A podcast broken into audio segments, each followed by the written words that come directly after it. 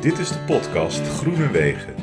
Eerlijke gesprekken met duurzame experts. Leuk dat je luistert.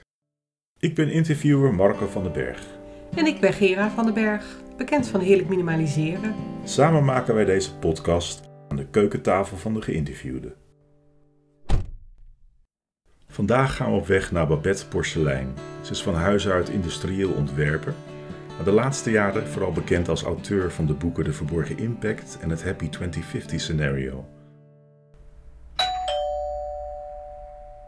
Oké, nou welkom terug bij de podcast over eh, duurzaamheid. En eh, tegenover mij zit eh, Babette Porselein. We zijn in Amsterdam, bij jou in huis, in de woonkamer. Ja. Wel- welkom. Dank je. Jullie ook welkom. Apart, hè? Ja. ja. Het blijft iets ongemakkelijks. Hè? Dan kom je met twee kratjes binnen sjouwen en dan zeg je... nou, hier gaan we het doen vandaag. Ja, ga daar maar zitten. Ga daar maar zitten. Ja. Ja, nee, helemaal goed. ja, nou, we zitten heerlijk aan de thee. En eh, ja, we gaan een goed uur eh, praten over duurzaamheid. En eh, waar jij bekend ook van bent. Hè? Ehm, maar misschien aardig om jezelf eens even te introduceren. Eh, dat je dat zelf even uitlegt aan de mensen die je wellicht niet kennen. Ik kan me bijna niet voorstellen. Als je Nee, ja, joh. Ehm, ja, ik, ik ben eh, van huis uit industrieel ontwerper. Ik heb in Delft gestudeerd en ehm, ik heb tien jaar bij bureaus gewerkt als ontwerper ook. En ehm, toen ben ik voor mezelf begonnen en eh, ik was een paar jaar bezig daarmee. En dat ging hartstikke goed. Ik had het super druk. En op een zomaar een zondagmiddag hier achter me, hier thuis op de bank, zat ik met Rick. En eh, niets vermoedend natuurlijk. Eh, kinderen waren uit spelen en, ehm, en we hadden een goed gesprek. Hij vertelde over eh, de impact van, van bijvoorbeeld het maken van een auto. Hij had namelijk uitgerekend dat, dat er in een nieuwe auto al voor zes jaar aan benzine zit. Zoveel energie kost het om een auto te maken. Echt bizar natuurlijk. En ehm, ja, we hebben de hele middag daarover gepraat. En eh, toen ging er echt iets aan in mijn hoofd wat niet meer stopte.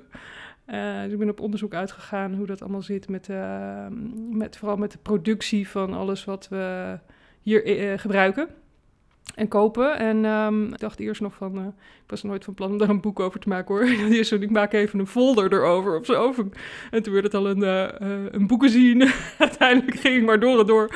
En toen was het ineens toch echt een heel boek geworden. En toen was ik ineens een schrij- schrijver Ja, geworden. ja, ja. dus ehm, Want dan heb je het over, de, begonnen. over de verborgen impact. ja, De dat is mijn eerste boek. Ja, Ja, ja, ja. en die sloeg in als een bom, hè, om maar, maar een cliché te gebruiken. Ja. Weet ik niet. Is dat Nee? zo? Ik kwam in 2016 heb ik hem zelf uitgegeven, want eh, ik vond het allemaal gedoe met uitgevers. Nou, ik had wel op eigen krachten al eh 4000 boeken verkocht en toen toch maar een uitgever erbij. Ik dacht, dan heb je toch wat meer rijkwijde, weet je wel, wat meer slagkracht en wat meer bereik en zo. Ja, toen, het is eigenlijk meer een, een hele trage bom geweest. zeg maar. Want hij, hij blijft doorverkopen en de mensen blijven daar, ja, steeds Ja. meer mensen lezen hem ook en dat, Ja. dat groeit eigenlijk meer. Het is, het is meer een boom dan een bom. Ja, nou ja, goed, misschien, misschien ben ik wat bevooroordeeld. Kijk, ehm, eh, het is meer de impact die het heeft gehad, het boek. Hè. Je hebt heel veel mensen daarmee geïnspireerd. En dat denk ook wel in een soort bovenlaag, in de zin van ehm, de politiek en eh, beleidsmakers, mensen die eh, bezig zijn met het onderwerp, heb je op een bepaald spoor gezet, toch? heb ik dat? Denk ik wel. Ja. Oh, dat is jouw, wel naam, gaaf. eh, jouw naam komt regelmatig voorbij hoor. Ook mensen die Oh, ja. verwijzen naar je boek. Of, ja. Oh, wat gaaf. Ja, Ja. nou, dat, dat, ja, ik zit natuurlijk zelf daar middenin, dus ik zie niet wat er aan de randen gebeurt eigenlijk. Nee. Dus dat weet ik niet precies. Nou ja, goed, want je hebt het heel mooi. Laten we dan meteen maar gewoon ook de diepte ingaan en het over de verborgen impact hebben. Het, het begon dus op die bank met Rick. Rick is je man of ja, ja, sorry, ja, ja. man. En die had dat dus uitgerekend. Ja. Is het, is het zo'n rekenwonder dat die, al die dingen... ja, hij houdt Ja? ook van gekke berekeningen maken. Eh, Oké. eh, eh, ontmoeten we elkaar wel in. Ontzettend handig voor je, zeg maar. Als je een beetje weet hoe jouw boek in elkaar zit, kan ik me voorstellen dat je daar Ja, qua partner kunnen- wel een goede aan hebt dan. Zeker, we kunnen Ja. heel goed schakelen met elkaar. En eh, hij is ook ontwerper.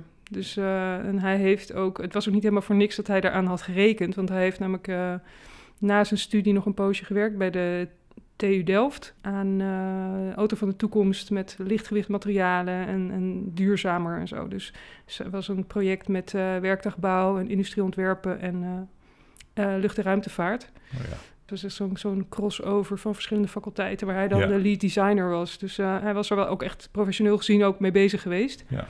Dus eh, het, het kwam niet helemaal uit de lucht vallen. Dus, Nee. Maar hij houdt inderdaad ook wel van eh, gekke berekeningen maken. Hij heeft dan die, van die bijzondere invallen Ja. af en toe. Dat is Nou, dat heel leuk. absoluut handig. Want dat boek De Verborgen Impact, daarin heb je ook aangetoond, ik probeer ik het even in mijn woorden te zeggen, uh, nou, wat de impact is van het maken van spullen en het transport. En eigenlijk al het hele, hele omveld dat we eigenlijk voorheen misschien wel vergaten. Hè? Ja, we keken misschien naar het plastic zakje in de supermarkt dat je wel of niet uh, van de rol trok hè, om je groente in te doen. Ja. Maar jij, jij legde eigenlijk bloot, in ieder geval voor dit deel van Nederland, uh, dat daar natuurlijk nog veel meer bij komt kijken. Ja. ja. Ja, ik was eigenlijk op zoek naar van, uh, van wat voor impact heb je nou als consument mm en als mens, hè, met, met gewoon in je dagelijks leven. En ik ging echt niet alleen kijken naar spullen, maar ook naar je voedsel, naar je mobiliteit, naar je huis. Dus dat, de, zijn nog steeds de vier grote sectoren. Ik denk ondertussen weet ik dat diensten ook groot is. Dus uh, er zou misschien uh, ooit nog een keertje een vijfde sector bij komen die ik mee ga nemen. Maar uh, ik, ik heb me in eerste instantie gericht op die vier. En, en daar een, uiteindelijk ook een top 10, een impact top 10 van gemaakt. En nou ja, ik had natuurlijk geen flauw idee wat er op één stond. Dus ik had allemaal schetsjes gemaakt en zo. En er stond een keertje vlees op één en een keertje vliegen, want dat dacht ik. En toen gingen ze rekenen en toen kwam er iets anders uit. Ja, spullen. Ja. Spullen! ja. Oh, vond ik echt niet zo grappig als ontwerper natuurlijk. Nee, Spullenontwerper. Maar goed, het is wat het oh, is. Dat, uh... Maar was dat inderdaad bij jou ook een eerste gedachte? Dat je zoiets had van, ik zit, ik zit uitgerekend in die branche, in die hoek? nee. nou, nou nee, weet ik niet. Nee. Want ik, ik was eigenlijk uh, als ontwerper meer bezig met uh, ontwerp voor communicatie, marketing, strategie, die hoek. En dat ging vaak meer over uh, uh, websites en, en, hoe presenteer je jezelf, logo's, huisstijlen en, en ook wel showrooms en winkels. En, uh, maar niet meer zozeer waar ik echt voor, eigenlijk voor ben opgeleid, is een serie of massaproductie. Dus, uh, maar het is natuurlijk op zich wel heel gek dat je als spulenontwerper, ja. dat het blijkt dat ja. dat het allerergste is wat je... Ja, mooi. Ja, ik vind het mooi. Een soort, soort noodlot dat je trof, hè? Zo, ja. Zo, ironie kun je het ook noemen. Ironie, ja. Ironie meer, ja. Goed, maar dat, maar dat boek, um, je, je, werkte eraan, je zei net al, uh, eerst uh, 4000 verkocht je in eigen beheer. Ja. Hè? En het, eigenlijk is het dus een, een soort boom geweest die steeds groter uh, groeide. Hè? Ja. Um, wat was voor jou dan toch de aanleiding om dat boek te maken? Wat was je drijfveer? Ja, dat, uh, nou, wat er thuis op de bank die dag eigenlijk gebeurde, is dat er drie luikjes open gingen in mijn hoofd. Het eerste luikje was dus van, ah, uh, we denken dat we impact hebben hier tijdens gebruik. Weet je, als je een benzine, uh, als je auto rijdt, dan verbrandt je benzine. En als je je lichten aandoet, dan gebruik je elektriciteit en zo. Maar uh, en het, als je naar buiten kijkt, ziet het er eigenlijk prima uit. Ik, je ziet niet dat er impact aan de gang is of zo. Dat is, uh, ja, het valt helemaal niet op. Dus ik dacht, we zijn best wel goed bezig. We zijn bezig met zonnepanelen en elektrische auto's en zo. Dus uh, dat zit wel snor. Maar ik realiseerde me dus voor het eerst eigenlijk echt, liet ik tot me doordringen, dat we onze impact niet hebben verlaagd. Maar we hebben hem gewoon verplaatst naar de andere kant van de wereld, ja. naar laaglonenlanden. Dus ja. dat, en dat was iets waar ik, waarvan ik dacht van, nou, ik heb me dit nooit gerealiseerd en ik denk dat meer mensen dit niet, daar geen rekening mee houden.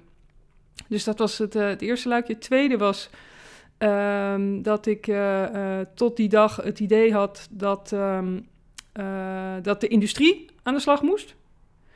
En, weet je, en de politiek en zo. Wat kan ik nou doen? En, en zij maken er een potje van, dus zij moeten hem maar oplossen. Maar ik realiseerde me ineens van ja, maar als ik die auto koop of, of vlees eet, dan, dan gebeurt er aan de andere kant van de wereld iets wat schade heeft. En dan heb ik dan voor betaald. In ieder geval niet voor die schade, maar wel voor het maken van die uh, spullen. Ja. En daarmee het veroorzaken van die schade. Dus dat maakt mij op zijn minst mede verantwoordelijk. En uh, belangrijker nog is dat je dus eigenlijk aan allerlei touwtjes zit te trekken zonder dat je het door hebt. En, uh, en, en dat je dus, als je dat wel door hebt, aan andere touwtjes, of anders aan de touwtjes kunt gaan trekken. Dus, uh, dus dat was een belangrijke. En je had nog een derde punt, zei je, Babette. Ja, het derde punt is dus dat ik eigenlijk... Uh, dat, achteraf is dat een beetje stom natuurlijk, maar uh, tot die dag had ik het gevoel dat het milieu en natuur uh, beschermen, dat dat iets is omdat je houdt van natuur. En dat het gaat om die, die prachtige dieren en soorten en, en heerlijke rust buiten. En dat dat zo prachtig is. En dat het eigenlijk iets is voor mensen die daarvan houden. Dus natuur gaat, of uh, milieubescherming gaat om natuur. Maar ik liet voor het eerst op me doordringen dat, het, dat er veel meer op het spel staat. Namelijk onze eigen fijne toekomst. en dat van mijn kinderen. Dus ik vond het ook nog eens veel belangrijker dan, uh, dan ik tot dan toe mm, ja, misschien wel wilde of, of, kon zien of zo. Dus ja. uh, En uh, daar zit nog iets diepers onder, wat, uh, wat ik nou ja, later heb bedacht van dat heeft ermee te maken. En dat is namelijk dat mijn vader de, de oorlog op een niet al te leuke manier heeft meegemaakt. En dat ik ook zag dat vooral klimaatverandering, maar ook aantasting van natuur en milieuvervuiling en zo, dat dat zet gewoon, dat ondermijnt eigenlijk de stabiliteit van maatschappijen, van de wereld. En het leidt nu al in bepaalde landen, zijn er al oorlogen mede ontstaan door klimaatverandering. En ook massamigratie komt op gang door klimaatverandering. En dat uh, uiteindelijk ook tekorten aan grondstoffen en aan water en aan uh, dat soort dingen. Dat, en aan, aan, vruchtbare grond vooral, dat is ook heel belangrijk. Dat gaat gewoon leiden tot ruzie en oorlog. En ik ben zo opgegroeid met ja, eigenlijk de horror van oorlog, zeg maar. Dat, ja. uh, dat zit heel diep in mij, dat ik, dat ik dat heel belangrijk vind dat we ons best doen voor vrede. Ja. En dat zit er ook nog eens onder. Dus uh, dat is eigenlijk een diepere laag van, uh, van wat mij ook de, dit, daartoe heeft aangezet, ook om het door te gaan, ook na de verborgen impact met het Happy 2050 scenario. Ja. Wat dus ook veel meer gaat over hoe we de, de wereld kunnen inrichten, zodat we een veiligere kant op gaan. Ja dat boek komt ook nog te sprake zo. Eerst nog even terug naar, naar het moment dat je zei... Uh, ik realiseerde me een aantal uh, dingen. Hoe, was jij voor die tijd dan? Was, was, je al met duurzaamheid bezig? Was je überhaupt bewust van je, van je eigen impact? Ja, maar op een, op een veel mm, implicietere manier of zo. Ik, ik, ik vond het altijd al wel belangrijk. En ik weet ook nog wel dat toen ik ging uh, industrieel ontwerpen ging studeren... dacht ik van, nou, dan ga ik weer meer spullen op de wereld zetten... en is dat nou wel een goed plan of zo, weet je? Dus het zat altijd al wel in mij... En toen ben ik trouwens over de streep gegaan, omdat uh, mijn mentor zei van... ja, maar als je nou ontwerper wordt, dan kun je het systeem van binnenuit veranderen. Van, oh ja, nou, er zit ook wel weer wat in. Maar uiteindelijk was maar één vak in het vierde jaar of zo was milieukunde. Dus het was echt super dun. Uh, maar ja, inderdaad. Dus ik was wel in mijn dagelijks leven op zich al wel een beetje mee bezig. Weet je, gewoon meer ja, zonder er veel te, veel te bij na te denken of bij stil te staan. Maar deed ik wel al mijn best of zo. Ja. ja. je interesse had het in die zin wel. Ja, ja ik, ik voelde daar wel een, een belang of zo. Maar ik heb daar nooit. Uh, uh, echt in verdiept eerder of zo. Nee, nou, ik stel de vraag ook omdat Gera en ik ons ook wel eens afvragen... is er een soort archetype dat bezig is met duurzaamheid? Kun je een soort karikatuur van maken? Hmm. Van welke uh, persoonlijkheid moet je hebben... of welke eigenschappen moet je hebben om dat thema te omarmen? Want een heel deel van de samenleving loopt er nog vrolijk aan voorbij. Hè? Maar ja. heb, heb je daar een beeld van? Kunnen we een profiel schetsen op basis van wie je zelf bent? Ik hoop van niet. Dat zou echt een probleem ja. zijn, namelijk. Ja, ja, ja, ja, ja want we hebben iedereen nodig. Dus, uh, en het gaat ook iedereen aan. Of je nou links of rechts bent, uh, man of vrouw, of uh, jong of oud. Het, het, maakt allemaal niet uit. Maar precies wat je bedoelt. Aan. Ja, nee, maar ik bedoel meer de alertheid, de sensitiviteit die bij een bepaald deel van de bevolking er al gewoon bovengemiddeld is. Hè? En, en, en wat voor mensen zijn dat dan? Herken je dat? Of zeg je van, nou ja, het is nog wel heel divers. Hè? Mensen die daar iets mee hebben. Mm, ik denk dat het wel heel divers is. Hm eigenlijk. Ik zie ze echt van alle pluimage wel voorbij komen. Maar. Ehm, nou ja, bijvoorbeeld, ik heb in de jaren negentig gestudeerd. Ik had een vriend die ging naar Wageningen. Nou, die, die hele kliek rondom Wageningen, daar kon je zo een karikatuur van maken. Als ik een striptekenaar was geworden, dan had ik daar een uh, prachtige strip van kunnen maken. Hè, met uh, bepaalde kleding, bepaalde uh, kapsel, bepaalde muziekkeuze, et cetera. Ja, een soort archetype. Maar goed, jij herkent dat niet, klaarblijkelijk, nee. Mm, nou, nee. nee. nee. ik weet dat niet zo. Nou, ik denk dat er bovengemiddeld... Ehm, dan ben jij gelukkig een uitzondering. Bovengemiddeld veel vrouwen, maar dat kan ook zijn omdat ik een vrouw ben, dat, dat ik dat vooral aantrek op de een of andere manier. Weet ik niet. Maar volgens mij zijn er wel bovengemiddeld veel vrouwen mee bezig. En um, misschien een hele rare wending dit, maar ik denk dat vooral mensen die op tijd naar bed gaan, de, de rust hebben en uh, uh, dat, dat doet namelijk iets in je hoofd. Hè? Dat je ook meer over de langere termijn kunt nadenken. Dat je niet heel erg op de korte termijn bezig bent, alleen maar. Mooi. Het heeft met uitgeslapen zijn te maken. Ja, wakker zijn ook weer. Wakker zijn, aan, aan de andere kant, ja. Ja, mm, ja, de, ja, precies. Maar ook gewoon de, de, de rust en de, in je hoofd hebben om, om inderdaad dus niet heel erg hak op tak. Ik ben vandaag met hier en nu bezig, maar ook vooruit te kunnen kijken. Daar, daar heeft het wel mee te maken, denk ik. Want als je niet vooruit kijkt en alleen maar in het nu zit, ja, ja dan heb je niks met milieu, denk ik. Want dat is iets wat over, uh, dat zijn lange, trage processen. En uh, die openbaren zich ook heel traag. En dat, dat zijn dingen die ook in de toekomst steeds meer gaan opspelen. En als je inderdaad vandaag naar buiten kijkt, merk je er eigenlijk niks van. Dus uh, als er iets is wat, denk ik, alle milieumensen wel met elkaar gemeen hebben, is dat we nadenken over lange termijn. Behalve misschien de, de mensen die zwerfvuil oppikken, want die vinden dat gewoon hier en nu, als het park in loopt, gewoon lelijk en irritant. Ja. Ja. En dat is iets wel in het hier en nu. Dus, ja, eh, maar de ja. keuzes die je maakt, gebaseerd op de toekomst, vraagt ook om een soort eh, zekere mate van alertheid en eh, hè, rust om na te denken welke stappen je dan zet. Ja, en ook gewoon dat je niet verzuipt in het hier en nu. Hè? Dus het, Mhm. het kan ook best wel zijn mensen die erg in de, in de problemen zitten... of die geldzorgen hebben Ja. of, eh, of niet rond kunnen komen. eh, Hè? Dus, of, en niet rond kunnen komen. Ja. Maar, eh, eh, of, of die in, in scheiding liggen of eh, een, een jeugdtrauma hebben... Wat, waar ze nog steeds eh, ondergedompeld zijn of zo. Ja, die hebben helemaal geen ruimte om daarmee bezig Nee. te Nee. zijn. Dus Nee. dat is denk ik ook wel iets wat... eh, vermoed ik, maar dat, dat, is, dat is echt eh, guessing hoor. Maar vermoed ik dat eh, bovengemiddeld veel mensen die met milieu bezig zijn, inderdaad de ruimte daar ook voor hebben in hun Ja. hoofd. Ja. En dus niet inderdaad in, in een of andere vorm van zorus zitten, zeg maar. Nee. Als je in die overleefstand zit. Ja, precies. werkt Dan het. ben je Kom je daar niet gewoon. Nee. Nee. En ik haak nog wel even aan dat jij zegt, hè, merendeel toch misschien wel vrouwen. Ik zie ook wel weer dat in een bepaalde hoek, eh, als het gaat om de warmtepompen en dat soort eh, kant van verduurzamen zonnepanelen, zo dat daar de mannen Ja, dat zonder al te veel gender. De eh, hardware. hier, de eh, hardware. ja, het is ja. echt grappig. Ja, Dan, eh, Ja. Zit ik boys Ja. with toys. ja, dat Ja. is het. Is het Ja, eh, nou ja, goed, dat heeft ook iets maar, leuks, eh, toch? Ja, spulletjes. Oh nee, dat is... Nee. Toch weer de spulletjes. Ja, precies. Maar goed, jij had die ruimte in je hoofd en je zei, ik denk daarover na, ik wil daar iets mee. Daar kwam uiteindelijk dat boek uit en Ja. je voelde van, ik moet iets doen met die inzichten. Want je kreeg die inzichten en je dacht, dat ga ik doorvertellen. Want dat vind ik altijd een mooi punt. Er zijn heel veel mensen die hebben inzichten, maar dan denk ik, nou, dan heb ik het inzicht gehad, ik ga weer verder met mijn leven. Maar waarom voel je dan toch die drijf om dat al verder te vertellen? Ja, want ik heb inderdaad al vaker inzichten gehad en dacht ik ook van, nou, misschien moet ik hier wat mee. En dat, dat, dat stranden. Maar deze was zo wezenlijk en, en ehm, eigenlijk allesomvattend dat ik eh, deze niet heb laten liggen, maar er echt in ben gedoken. En het is ook in mij gegroeid. Het is ook een soort boom. Niet een bom, maar een boom. Wat ik al zei, van, het- ik was eerst helemaal niet van plan om hier een boek van te maken. Ik heb wel meteen de dag nadat, eh, of twee dagen nadat we dit gesprek hier op de bank hadden, heb ik de website Think Big Act Now eh, eh, geclaimd en, en eh, ben ik daarmee begonnen. Dus ik had wel meteen zoiets van, dit moet iedereen weten. dit Ja. is wel heel belangrijk. Ja. Dus ik had wel meteen een soort van, ehm, Act nou. Ja, en, en ook wel zoiets van, dit, dit is belangrijk om, om dit te verspreiden. Ja, Terwijl Rick, die had dat niet. Die had zoiets van, nou, ik weet het nu en dat is genoeg. ja. En ik zei, ja, maar dit is te belangrijk. Dit, Ja. dit wil ik delen met anderen, want die hebben daar ook wat aan, denk ik. Het is goed dat je het even aansnijdt. Think big, act now. Hè? Dat is de... de... Ja, dat is ook meteen de slogan die me die dag inviel. Want dat is ook precies wat ik doe. Is dat, dat ik, en dat doe ik nog steeds tot de dag van vandaag, ben ik daarmee bezig. Dat ik kijk van hoe zit het op systeemniveau? Wat is er in het groot aan, aan de hand? En dan zoom ik zo ver uit dat ik echt eh, alles zie. En dat is vaak heel ingewikkeld natuurlijk, maar daar probeer ik dan weer iets, iets begrijpelijks van te maken.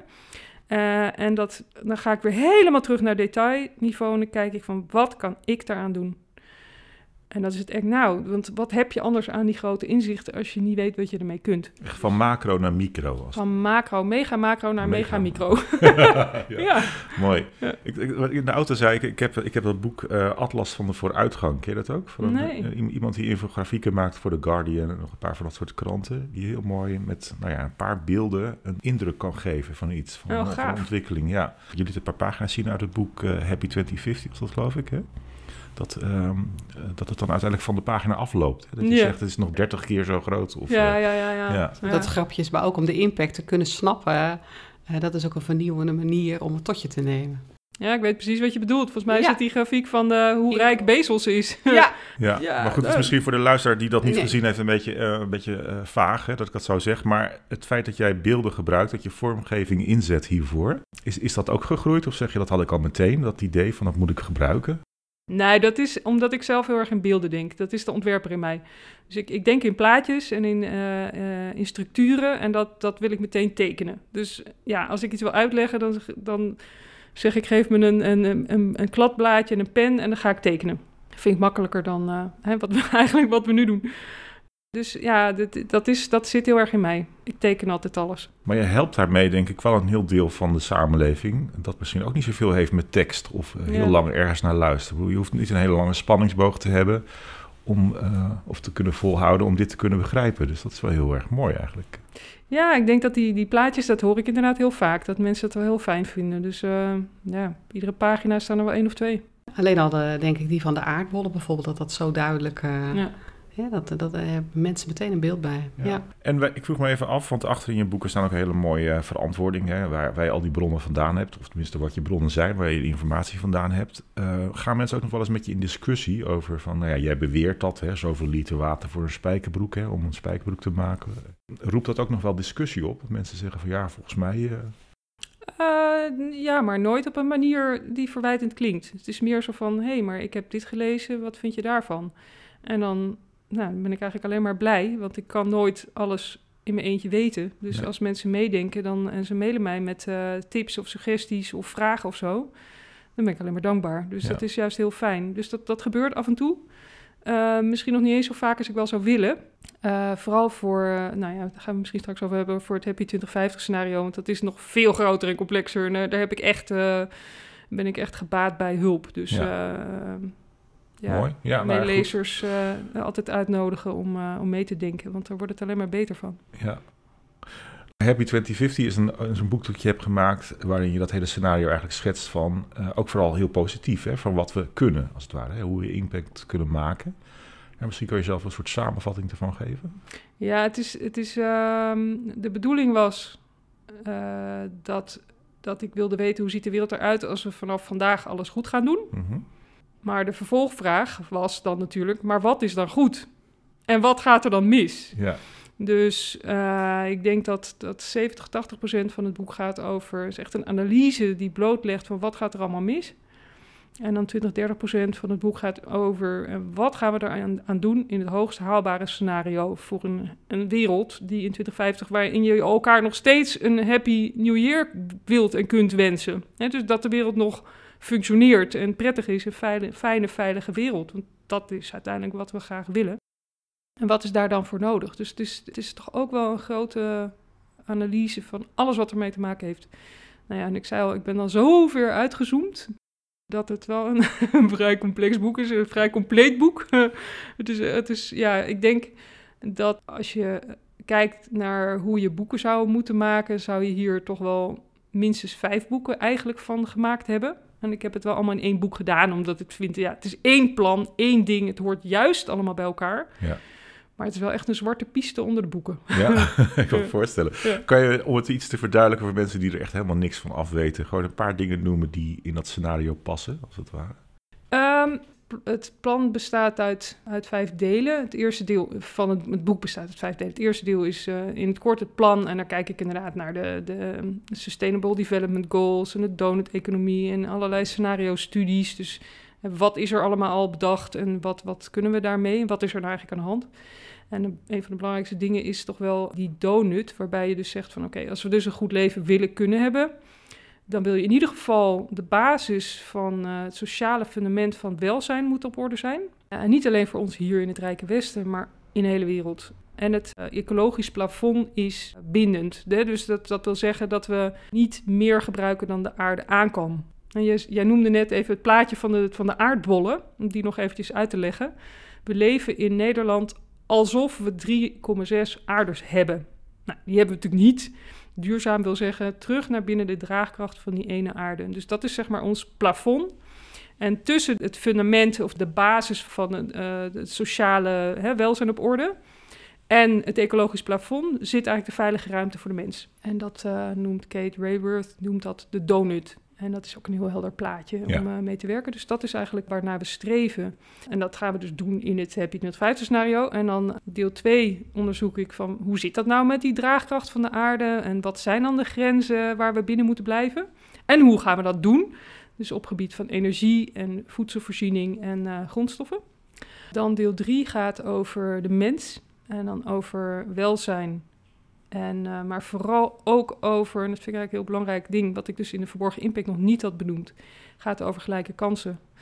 Over grote ongelijkheid binnen landen, maar vooral ook tussen landen, waar we heel slecht aan rekenen en uh, helemaal geen rekening mee houden. En ook denken dat dat toevallig zo is, maar er zijn allerlei systemen die, daar, die dat verergeren en die mhm. dat in stand houden.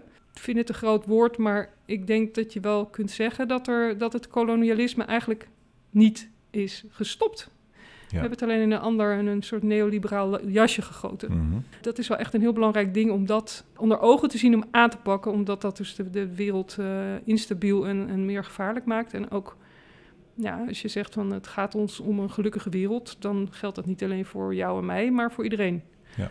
Dus dat is een belangrijk ding. En dan eh, deel 4 gaat over de economie. En daar zijn echt hele belangrijke sleutels voor de oplossing. Dat zijn echt belangrijke findings waar, waaruit blijkt dus wat ik... Ja. Even ademhalen. ja, heel goed. Ja.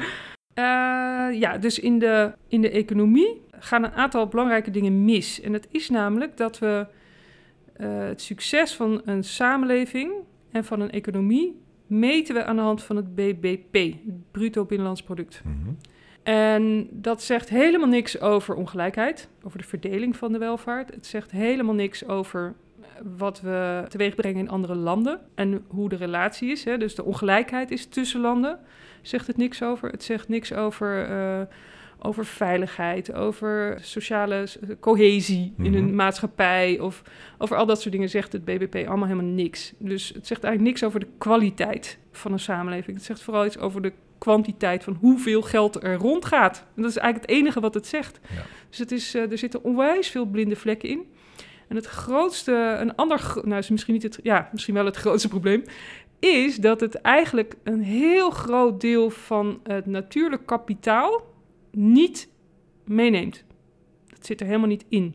Dus dat daar impact eh, Dat- is, dat- schade wordt toegebracht, daar wordt helemaal niet naar gekeken. Schade, impact aan het milieu en Ja. aan natuur en aan klimaat, dat zit helemaal niet in. Het berekent het BBP helemaal niet mee. Dus dan het, meest bizarre, denk ik, wat ik in dat boek heb ontdekt, of bij het schrijven van het boek heb ontdekt, is dat als je dat wel meeneemt, blijkt dus dat de wereldeconomie en ook de Nederlandse economie sinds de jaren 80 van de vorige eeuw niet is gegroeid, maar is gekrompen. Ja, Dat is echt zo mindboggling. ja. En dat komt dus omdat we eh, zoveel natuurlijk kapitaal aan het vernietigen zijn. En eh, dat is gewoon eh, allemaal eh, waarde down the drain. En als je dat wel meerekent, en dat is ook wat we gaan doen in het Happy 2050 scenario's, dat we dat wel mee gaan rekenen.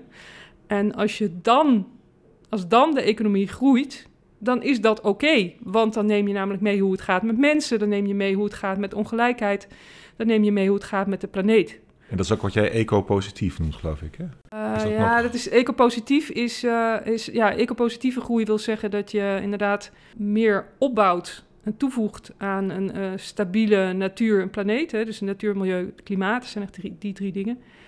Uh, dan dat je schade toebrengt. Maar ecopositief gaat dan weer alleen over de planeet en niet over de menskant van het verhaal. Dus ja. het is, ik zit nog een beetje te stoeien met, uh, met termen nog steeds hoor. Dus ik ben Ja. er wel een beetje uitgekomen, maar ik vind het nog steeds een beetje schurig. Dus ik vind de donut eigenlijk wel goed. Uh, dus, uh, maar het, de, dus er zijn drie belangrijke ingrepen om de economie op een veilig spoor te zetten. Het eerste is dus dat we het, dat BBP gaan completeren met al die blinde vlekken. Ja. Dus de, de menskant en de planeetkant, die moeten erin. En dan krijg je een heel dashboard. Eigenlijk zoals de monitor brede welvaart, die, uh, die we kennen in Nederland, maar die wat mij betreft onvoldoende naar wordt gekeken. Is echt een gemiste kans. En het wordt wel steeds meer serieus genomen hoor. Of, uh, SDG's, dus de Sustainable Development Goals, weet je, is ook zo'n Ja. mooi dashboard. Ja. Ja. Perfect, gebruik dat en Ja. maak dat leidend. Omdat je zegt, je kijkt naar meer variabelen. Het is niet alleen één aspect van één kant van de over- medaille. Ja. Wat ik zeg, hè, het gaat Ja. over kwaliteit van de Precies. maatschappij, niet over de kwantiteit van Mhm. hoeveel geld er rondgaat. En de kwaliteit van onze leefomgeving. En dat is uiteindelijk waar het om gaat allemaal. Dus, uh, en als je dan daarop gaat sturen, dan, uh, dan krijg je veel betere en gezondere sturing. En dat moet je, dat, dat moet niks, maar dat kun je verknopen in de economie. Sowieso door de belastingen te verleggen van belasting op arbeid naar belasting op impact. En ook op grondstoffen, maar ook op impact. En dan niet alleen de CO2-belasting, want dan krijg je weer een verschuiving naar... Weet je wel, want als CO2 alleen belast is, dan mag je dus wel vervuilen of zo. En dat mag dan gratis. Ja. Dus dat kunnen we natuurlijk ons niet veroorloven, want dan krijg je weer... eh, eh, ja, Escapen. En je ziet dat wel ontstaan. Hè? Want ik, ik eh, heb bijvoorbeeld wel regelmatig te maken met de grondweg- en waterbouw voor een andere opdrachtgever. En dan gaat het over emissieloze eh, bouwverkeer, et cetera, zeg maar. En dan wordt ook nog gekeken naar MKI's, hè, de milieukostenindicator. Nou, Ja. We hebben allerlei vormen bedacht om dat ergens toch te kaderen, als het ware. Maar er zijn altijd aspecten die je overslaat. En als ik jou zo beluister, denk, je, denk ik, ehm, je hebt in je hoofd gewoon dat helemaal proberen uit te denken. Zo van, Ja. Wat komt er allemaal bij kijken? Ja. En wat mogen we zeker niet overslaan om het hele spectrum recht te doen? Juist. Maar als ik, dat, als ik dat zo hoor, denk ik van, is dat ook niet razend ingewikkeld? Want maak je het dan ook niet voor jezelf en voor anderen ook eh, bijna te hoog gegrepen? Ik vind het mooi hoor. En voor Ja. alle, hè, vanuit het ideaal vind ik het mooi. Maar Ja, ik weet niet of je het ideaal moet noemen. want Ik denk eerder dat het wetenschap is. ja, waar we ons op eh, baseren. Ja, dat is ingewikkeld. Dus de- dat, maar ja, eh, eh, een man op de maan zetten was ook ingewikkeld. Was ook Ja. geen reden om het niet te doen. ik denk dat mooi. we alle reden hebben om het wel te doen. Ja. En om het meteen goed te doen en niet het zo in te richten. Ik bedoel, als je toch bezig bent, doe het dan goed. En dat je het niet zo inricht dat je dus heel makkelijk eh, milieuvervuiling in de hand werkt omdat je alleen naar klimaat keek. ja, Of eh, weet je, ontbossing in de hand werkt omdat je alleen maar eh, denkt aan, aan biomassa stoken. Dat is een goed plan of zo. Ja. Nee, dat is geen goed plan, want nee. we hebben natuur nodig. Dus Maar het zegt iets over hoe jij erover nadenkt. Dat, Ja. dat is een beetje het punt dat ik wil maken. Oh, je kan op een gegeven moment ook ophouden met denken en zeggen... nou ja, als we dit al behaald hebben of dit al in kaart hebben gebracht, prima. Maar er zit iets in jou dat je doordenkt totdat je niet meer door kunt denken. ja, dat is zo. En, en ik denk ook dat, je, dat dat belangrijk is, dat we dat doen. En eh, dat het helpt als ik het al gedaan heb. Dat niet iedereen dat opnieuw hoeft te doen. Want dat wens ik niemand toe. Dat is best wel ingewikkeld. Maar als ik het al heb gedaan, dan, eh, dan kunnen andere mensen daar weer op voortborduren. Ja, want jij zit tijdens het tandenpoetsen daarover na te denken. Of tijdens het aardappelschillen of eh, tijdens het fietsen. En, Tuurlijk. ja, Ja, nee, dat houdt nooit op. Nee hè? Op de wc, onder de douche. Nou, douche, dat, ik douche heel kort. Dus ik mag dan niet nadenken, want dan vergeet ik dat ik er weer uit moet. Want Ja. staat zo lekker. Je vindt dit in zekere zin uit. Je denkt erover na. Bijna als een filosoof probeer je dat te benaderen. Zo van. Hoe, kun je, hoe kun je tot de essentie terugbrengen? Maar wat Ja. hoort daarbij, toch? Ja. Dat is, ja. Nou, en, en wat ik wel denk is, ik heb dan een, geprobeerd om een compleet plan te maken waar alles in zit. En dat is inderdaad heel veel. En vervolgens moet je natuurlijk een plan maken om dat te gaan uitvoeren. En dan begin je ergens mee en dan pak je er steeds meer bij. Maar in ieder geval met die stippende horizon voor Ja. ogen. En Ja. niet zo van, oh, oeps, nou eh, ja, we hebben nu weer een nieuw probleem gecreëerd. Als we dat nou maar eerder hadden gerealiseerd, dan, Ja. was het, dan hadden we andere keuzes gemaakt, weet je wel. Dus eerst het, het complete beeld voor ogen hebben. Waar willen we naartoe? Wat is er allemaal nodig? En dan ga je natuurlijk stapsgewijs naartoe werken. En dat kan niet allemaal in één keer. Nee. Dat snap ik ook wel. Maar het is wel belangrijk om in ieder geval te zien wat er allemaal bij komt kijken. Zodat je nu de juiste keuzes kunt maken. ja. Ehm, even kijken, maar er waren drie dingen in de economie, dus als ik die nog even afmaak. Die riedel, anders blijft die zo Nee, heel eh, los draadje voor de luisteraar. Ja, Ja, ja. Dus het eerste was eh, een compleet dashboard. Hè? Mhm. Eh, tweede was completeer het BBP tot een. Nee, nee, nee, sorry. Dat was de eerste. was completeer het BBP tot een compleet dashboard. Tweede was sturen met belasting. Hè, dus eh, schadelijke impact belasten en, en wenselijke dingen juist ontlasten. ja. En ook eh extreem rijkdom veel zwaarder belasten en zo. En eh, dat soort Ja. dingen, om de ongelijkheid eh, terug te dringen. En het derde ding is dat we de echte prijs gaan betalen. De true price. En dat wil zeggen dat dus die schades die we toebrengen aan, ja, aan natuurlijk kapitaal... dus aan natuur, milieu en klimaat... Dat, dat moet gewoon beprijsd worden. En dan zul je zien dat een onduurzaam product duurder is dan een duurzaam product. En het is nu heel vaak omgekeerd. Wat natuurlijk helemaal van de zotte is. En dan duw je mensen en dus ook eh, bedrijven en organisaties... duw je richting de onduurzame kant. Ja. Terwijl als het andersom is, zoals het eigenlijk ook zou moeten zijn... eh, duw je mensen juist de duurzame kant op. Ja. Want dan wordt het ook voor bedrijven veel te duur om te vervuilen. Ja. En dan, dan gaan, hè, want bedrijven willen kosten drukken. Dat is altijd incentive nummer één. En hoe doe je dat? Door te verduurzamen, want dat onduurzame is heel kostbaar Ja. als je de echte prijs moet betalen. De term echte prijs is dat het feit dat we het nu niet betalen, betekent niet dat die schades niet veroorzaakt worden. Hè? Dus alleen komt rekening Ja. niet bij degene die het Nee. veroorzaken. En dat is natuurlijk super oneerlijk. En het komt wrang genoeg ook nog bij de armste mensen terecht. Ja. Dus klimaatverandering treft natuurlijk de, de armste landen in de wereld het allerhardst. En, eh, en zij hebben er niet of nauwelijks aan bijgedragen dat Nee. het überhaupt is veroorzaakt. Dus dat is echt super oneerlijk. En eh, ja, het is, het is, eh, het- ik, ik wil zoveel mogelijk wegblijven bij moraal. Mhm. Want dat, dat vind, ik niet, eh, vind ik niet interessant of zo. Maar, en ook niet, eh, niet aantrekkelijk genoeg of zo. Nee. Ik, ik, ik ben meer van de wetenschap. Ja, want En je corrigeerde net, ja precies, want je corrigeerde net jezelf dat je zei nou niks moet, hè, bij wijze van Nee, spreken. Terwijl ja. ik tegelijkertijd wel hoor dat je zegt, ja, we hebben dat doel. Dus de, het, voelt, eh, het staat wel op gespannen voet, toch? Je zou eigenlijk mensen willen wakker schudden van, joh, eh, denk hier nou beter over na, want dit moet eigenlijk wel. Of, ja, nou, nee, ik, ik, ik, ik, ik heb een missie, maar ik ben geen missionaris. Hm. Dus eh, ik vind het heel belangrijk om eh, te laten zien hoe dingen zitten. En dat vind ik fijn om te doen. En ik hoop dat mensen daar wat aan hebben. Maar ik zal nooit tegen iemand zeggen van... "En jij moet zus of zo. Nee. Daar ga ik helemaal niet over. Hè, wat, wat een ander doet, dat is die persoon zijn of haar keus. Ja. En eh, ik, ik wil nooit degene zijn die zegt... Je, je mag iets niet of je moet iets gaan doen. Nee. Misschien kunnen we nog wel iets zeggen over collectief. Van zouden we als maatschappij die en die kant op moeten. Mhm. Maar ook dat doe ik liever niet. Nee. Het is meer van, als, we dit, als dit ons doel is, kun je je daarin vinden.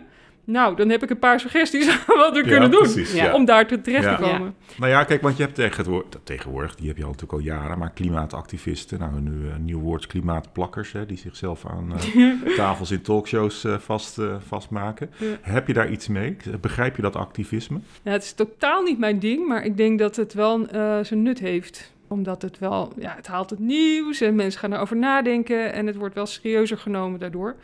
Dus ik, ik denk dat alle vormen van eh, eh, activisme en, en, en eh, wetenschap en, en, en individuen die ermee bezig zijn of zo, het heeft allemaal zijn nut. Ja. Dus ehm, even kijken, maar ik was nog een ander draadje, een groter draadje was ik aan het doen. Het is Punt wel 5 de- had je geloof ik Punt nog 5 niet. van het boek, deel ja, 5. ja. Dat gaat, hoe ga je er nou mee aan de slag? Dus het heet ook aan de slag. Eh, het zijn eigenlijk handvatten voor beleidsmakers, voor overheden en voor het bedrijfsleven en voor de crew. En dus wij allemaal als, als mens, als burger, als, als consument. Wat kun je doen in je dagelijks leven en in je, nou, ja, in je werk ook en zo. En daar wordt het weer heel concreet van act now. Ja. Dat is eigenlijk het laatste deel van het boek. Ja. En eh, jij laat ook aan de hand van een piramide zien eh, dat er gewoon lagen zijn. Hè? Dat je ook, eh, voordat je bij die zingeving en, en dat geluk eh, eh, uitkomt, Ja. hè? dat er ook gewoon in de basis eerst een aantal voorwaarden eh, Ja, precies. behaald Dus- moeten worden. Hè? Kun je Ja. dat nog even, even uitleggen?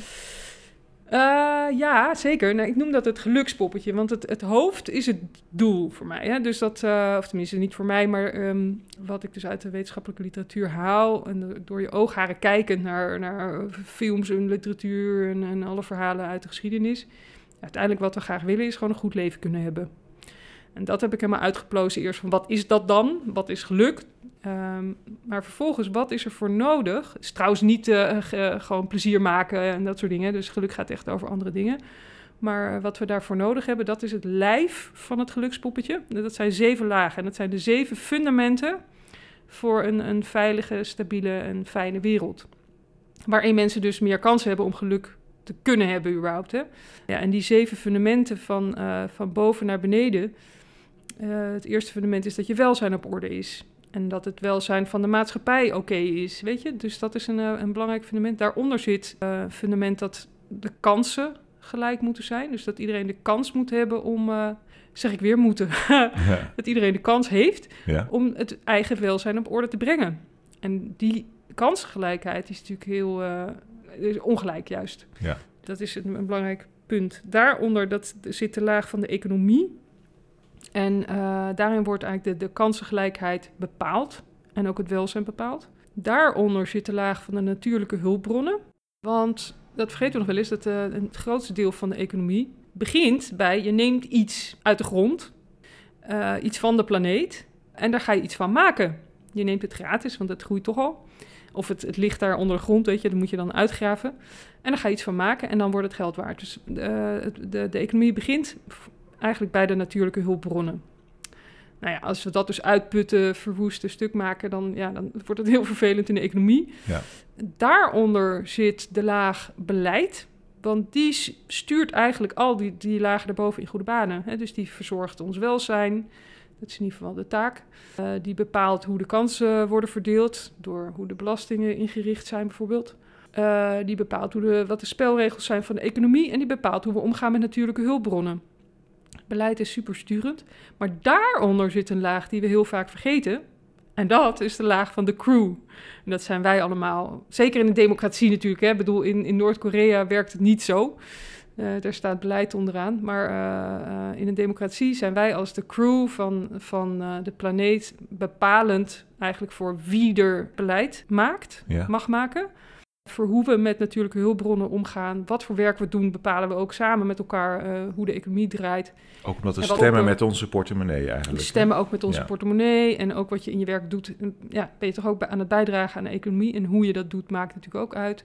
Nou, op al die, die lagen bepaal je als persoon, als individu, hoe het werkt. Ja. En hoe de, hoe de maatschappij in elkaar zit. Zeker als je dat, natuurlijk als eenling is dat lastig, maar zeker als je dat met elkaar eh, anders aanpakt, Ja. heb je onwijs eh, slagkracht. En hebben wij eigenlijk alle touwtjes in handen. Ja. En dan de alleronderste laag, die wordt ook wel eens vergeten. En dat is een veilige, levende planeet. Ja, Ehm, want als we die niet hebben, dan kan je echt al die lagen die erboven zitten gewoon op je buik schrijven. Vergeet het maar. Ik bedoel, Ja. ga maar midden in de Ha- Sahara proberen. Of ga maar op de maan zitten. Ga daar maar eens proberen om een goed leven op te bouwen. En Ja. om daar gelukkig te zijn. For- Forget it. Dat, Ja, kan niet, want je overleeft het niet eens. ja. het is heel sterk natuurlijk georiënteerd op, op de piramide van Maslow, hè, die heel veel mensen wel kennen. Zeg maar, dat je, de- de- om iets te, te bereiken dat een soort hoger doel is, heb je gewoon een soort basisvoorwaarden nodig. Ja. Ehm, hoezeer scoor je daar zelf al eh, op? Hoe ver ben je zelf als mens? Ehm, ik moet nog eventjes iets zeggen over Maslow, want die, dat is wel een inspiratiebron voor mij geweest. Maar eh Maslow gaat over persoonlijke dingen die je op orde Mhm. moet hebben. En dat zit dus bij mij alleen in het laagje van welzijn en geluk. Ja. En eh, nou, misschien een stukje economie, maar dan heb je het wel gehad. Het is, Dus het is niet helemaal het is- vergelijkbaar, Het is niet, maar niet helemaal. Het concept lijkt er Ja. zeker op, ja. Ja. Dat, dat is ook niet voor niks. Eh, ik als mens, ja, ik ben absoluut eh, nogal feilbaar, maar ik doe wel mijn best. ja, En eh, ik leef in ieder geval binnen de draagkracht van de aarde. Dus dat vind ik in ieder geval heel prettig, dat me dat in ieder geval lukt. Ja, ik probeer natuurlijk heel erg op te letten dat ik ook slaafvrij koop, bijvoorbeeld. Slaafvrije producten koop. Eh, dus ja, dat zijn wel grote dingen. En ja, belasting betalen is een belangrijke. Geen drugs gebruiken is een belangrijke. Want drugs is heel ontwrichtend. Hè? Dat gaat niet alleen over je eigen gezondheid. nee, ja, Maar eh, ook over criminaliteit, over maffia. Groot ondermijnt ja, echt Ja. eh, op hele grote schaal. En Vooral ook in eh, Nederland en in Zuid-Amerika is het heel ontwrichtend. In Nederland zeg ik expliciet, want wij zijn een soort drugshart ja. In de wereld. Bizar, maar goed. Ja, want je zegt slaafvrij, dan, dan denk ik, eh, Babette staat in de supermarkt alle etiketten te lezen. Eh, Ja, dat doe ik wel, ja. Als ik kan kiezen voor eh fair trade of zo, dan doe ik dat. Ja, want hoe lang doe jij over de boodschappen? Meen, hè? Ja. Ja. Ja, nou, als je eenmaal weet wat je... Weet je, je, je doet dat één keer en dan weet je dat dat merk moet ik hebben. Ja. En ja, ik, ik koop sowieso bijna niks. Ik wil eten natuurlijk wel en drinken. maar, eh, Dus dat, da- maar daar let ik heel erg op. En voor de rest koop ik zo min mogelijk spullen. Ja. En dingen wat ik niet nodig heb, dat, eh, dat koop ik gewoon niet. En nou ja, soms loop ik dan in toch een beetje oude kleren. maar ja, ik vind dat, eh, dat wordt gewoon het nieuwe normaal, vind ik.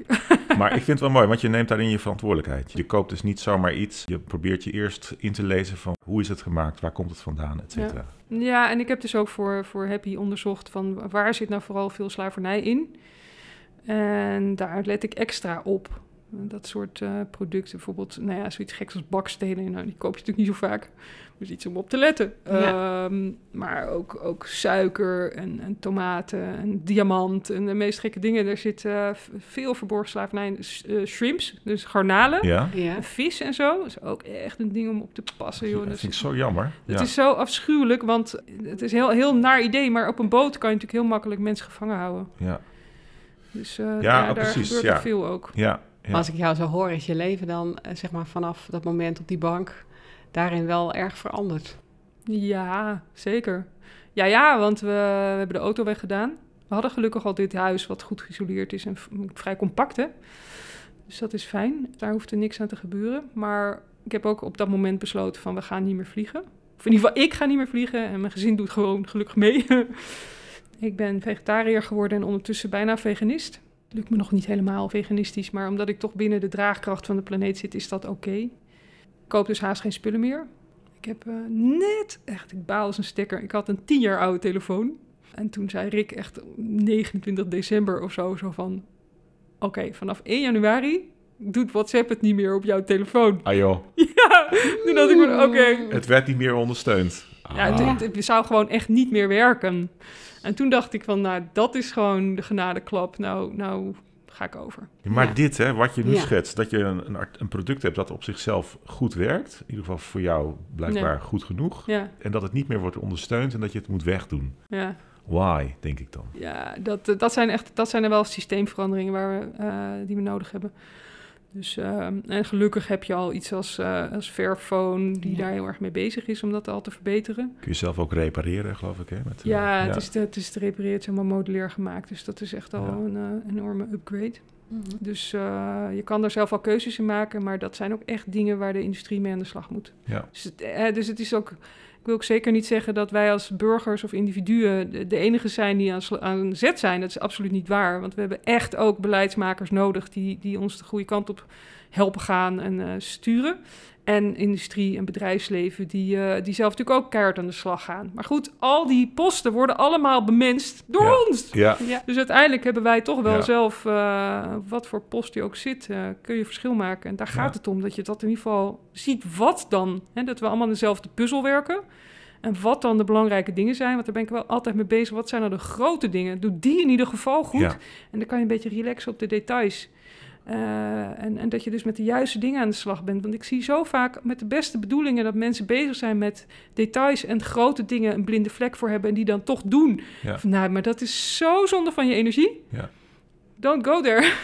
Oké, dat is echt, eh, daar is echt nog veel verbetering eh, te halen als mensen zien van, oké, dit zijn de grote dingen en dan kies ik ervoor om dat te gaan doen. In plaats van dat je het eigenlijk niet wist en, en met details bezig bent. dus wel keurig de batterijen inleveren bij de supermarkt, maar ook op vliegvakantie bijvoorbeeld. Ja, joh. Oh, joh. Ik heb een paar voorbeelden. Iemand die, die mij vertelde van... eh, ja, ik ga volgende week eh, vlieg ik naar Bali. Ga ik daar plastic zakjes eh, van het strand eh, halen. Ook vlieg naar Bali. Ja, Ik vlieg oh ja. naar Bali. En toen dacht ik van... Ik ga eens uitrekenen wat de verhouding is tussen Ja. die twee. Ehm, dus dat heb ik gedaan. Dus per persoon, de olie die je verstookt met, met dat, dat ene ticket... Daarvan kun je 1,2 miljoen plastic zakjes maken. Dat, dat staat gewoon niet in verhouding tot Nee. elkaar. Nee. Ehm, of een ander voorbeeld was een dame die tegen me zei van... eh, ja, dus sta ik bij de slager en dan vraagt hij, wil je er een zakje omheen? Zeg ik, nee, geef maar hier. En dan leg ik het zo achter in mijn auto. ik ben ja, er zijn- het, het, het gaat dus niet om dat zakje, maar ten eerste ga je naar de slager, ten tweede ga je met de auto. ja, mooi ja. Ja, dus Ja. dat is echt zo zonde, want ze Ja. bedoelt het echt goed en ze wil Ja. graag. Dus Ja. Maar dat is meteen ook wel een spanningsveld natuurlijk, denk ik, voor mensen. Want iedereen wil natuurlijk graag zijn steentje wel bijdragen. Alleen ja, die auto dan de deur uit doen of dan dus vegetarisch gaan eten.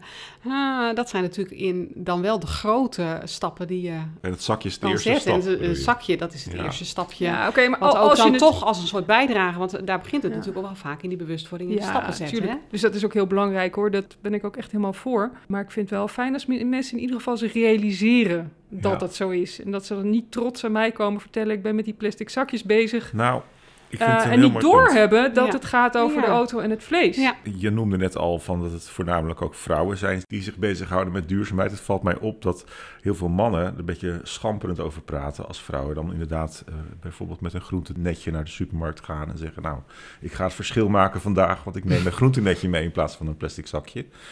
En dat mannen daar ergens doorheen prikken en zeggen: Ja, maar daar gaat het toch niet om, dat is niet het verschil. Of dan be- beginnen over de elektrische auto en zeggen: Ja, die accu's moeten ook ergens blijven. Dus hoe duurzaam is dat nou eigenlijk? Of over windenergie, nou bladibla. Ja. Hè, die komen met al dat soort eh, tegenargumenten. In hoeverre kunnen we dat bij elkaar brengen? Of, of he- heeft jouw boek daar ook aan bijgedragen? Want eigenlijk heb jij hele goede argumenten aangeleverd, hè, eigenlijk in beide boeken, eh, waarom het toch belangrijk is om bepaalde keuzes te maken. Dat het niet alleen maar op basis van een emotie is. Hè? Ja, ja, ja, precies. Nee, dat, dat is mijn hele zoektocht. Ik, ik, eh, ik probeer bloot te leggen van hoe zit dat inderdaad met die elektrische auto en die windmolens en de plastic zakjes. Wat zijn de grote dingen en wat, hoe kun je daar tegenaan kijken? Wat kun je het beste gaan doen? Ja. Want dat is uiteindelijk waar het om gaat. Dus dat je weet wat je het beste kunt gaan doen. Maar jij brengt de linker en de rechter hersenhelft bij elkaar, bedoel Ja, ik, hè? Ja. Precies. Ja. Dus dat is, eh, is trouwens ook een van de ingrediënten van geluk. Is dat je en je hoofd en je hart gebruikt. Ja. En dat je die laat, hand in hand laat gaan. En niet het een of het ander. Ja. Want dan krijg je aan de ene kant krijg je een goedhartige oen... en aan de andere een soort gewetenloze eh, denker of zo. Weet je? Ja. Dat, eh, dat, Nee. dat is allebei niet oké. Dus je wil juist, ja, hou je hoofd koel en je hart warm, zeg ik wel eens. Ja. hey, maar we gaan nu niet weg voordat je gezegd hebt wat je guilty pleasure is. Want er moet, er moet iets zijn wa- wat jij, wat jij niet goed doet. Kom op, zegt. Ja, dat, dat, dat kan niet anders. Eh, oploskoffie. oh, ja. oh ja, koffie is wel een dingetje, hè? Ja, koffie is Ja. natuurlijk niet... Ja. Een oploskoffie is natuurlijk helemaal een raar spul. Ja. Eh, even denken, wat heb ik nog meer? Mm, nou, ik vind het toch wel vervelend dat ik nog steeds wat, wat zuivel gebruik, maar het is weinig, dus whatever. Ja. Moet kunnen. Jeetje, vervelend. Ik wil daar heel graag allemaal lelijke dingen zeggen die ik ook nog allemaal doe. Je bent heel voorbeeldig eigenlijk. Ja. Ja, dat is alleen maar Ja. irritant eigenlijk. Dat weet of ik niet? niet, ja. wel een beetje. Ik, denk, ik denk dat wij daar ook wel een beetje in zitten in die hoek. Maar dat zullen mensen zijn die zich daar storen. Dat ze denken, ja, het is wel heel, eh, hè? Ja, ja, Ja, heel het is- voorbeeldig. Ja, dat is heel vervelend natuurlijk. Ja, Nou ja, kijk, ik ben natuurlijk niet zo bezig met afval. Dus dat, eh, dat vinden mensen uit de milieuhoek nog wel eens vreemd. Maar eh, ik zie afval als een symptoom en niet als een Hmm. oorzaak van problemen. Dus, ehm, eh, want de oorzaken liggen bij de productie van dingen. Dus eh, weet je, als je ook, eh, 1 kilo afval hier betekent 100 of 1000 kilo afval bij productie. Hmm. Dus iets wat je niet koopt, dat is altijd duizend keer beter dan Ja. het wel kopen en dan netjes je afval scheiden. Dus afval is een symptoom van de problemen. Er zit ook helemaal geen impact in. Het is helemaal niet de point. Het, Nee. het, het- wat er waar het bij helpt, is dat je misschien anders gaat consumeren. En dat Ja. maakt wel veel verschil. En het maakt ook zichtbaar. Hè? Ik, ik noemde net in de auto nog van dat in de jaren zeventig opeens alle binnensteden in Nederland eh, zwart werden van de roet. Dat maakte zichtbaar dat al die auto's vervuilend waren. Dus ja. zo heb je met afval ook. hè. De afvalberg maakt zichtbaar dat onze manier van leven niet duurzaam is. hè. Ja, klopt, ja. Ja, en het vervelende is dus dat heel veel van, eh, van die, die impact verborgen is juist. Of onzichtbaar. En stikstof, dat zie je niet goed. Ja, je ziet, als je erop let, weet je het wel. En dan zitten overal bramen en, en, en brandnetels en zo. Dat, dat is stikstof. Of tenminste, dat is een symptoom van Ja, stikstof. precies. Eh, maar goed, we hebben natuurlijk heel veel... De meeste van onze impact vindt plaats in, eh, in lage lonenlanden. En dan, eh, dat, dat zien we hier niet. En er staat hier nog één grote fabriek van Tata Steel... En die wordt natuurlijk helemaal verguisd, want die maken vervuiling en dat willen we niet. Mhm. En ik heb het idee dat mensen erop aansturen dat Tata Steel hier maar vandaan moet gaan. Ga Ja. maar ergens in een of ander ander land daar de boel op stel te zetten. Ja. Succes daarmee. Maar ik vind dat ik ga daar niet mee akkoord gewoon. Ja. Het is toch niet oké dat we nog weer meer verborgen impact maken. Ik vind het oké als je dat zegt, als je ook geen staal meer gebruikt. Dan kun je dat doen. En anders kun je dat niet maken, vind ik. Want dan zadel je de, de andere mensen in andere eh, landen ermee op met die, met die rommel. Ja. Dus hou het hier en zorg dat Tata zijn act together krijgt. En, en, en, en dat het echt schoon wordt. Want hier kunnen we dat ook eh, betalen. Hier kunnen we het eh, innovatiekracht hebben om dat voor elkaar te krijgen. En dan kunnen andere Tata's in de wereld dat over gaan nemen. Dat Ja. vind ik veel fijn- fijnere eh aanvliegroute dan zeggen van... willen jullie alsjeblieft hier opkrassen en dan, eh, eh, Ja. dan haal ik mijn staal wel eh, uit, uit India of zo. Ja. Dat kun je niet maken. Dat, Ja. Nou ja, goed, dat is toch moraal. Enorm inconsequent, hypocriet, ja. Nou ja, het Geef is- het een ik, vind het, ik vind het Ja. gewoon, ik vind het, ik vind het verplaatsen van impact. En dat Ja, zet niet voldoende zoden aan de dijk als we een veilige toekomst tegemoet willen gaan. nee, helder.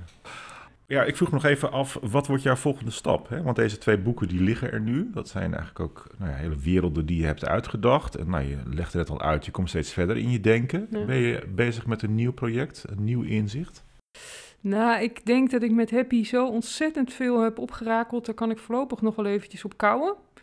Dus ik, ik zie mezelf de komende vijf jaar nog kouwen op Happy. En daar, eh, eh, ik wil bijvoorbeeld een kleine Happy maken. Ik wil hem eh, graag vertalen. En dan moet er waarschijnlijk inhoudelijk ook wat een en ander vertaald worden. Omdat ik toch wel ook af en toe over Nederland praat. En dat, ja, dat een Duitser of een Fransman of een Amerikaan niet in geïnteresseerd.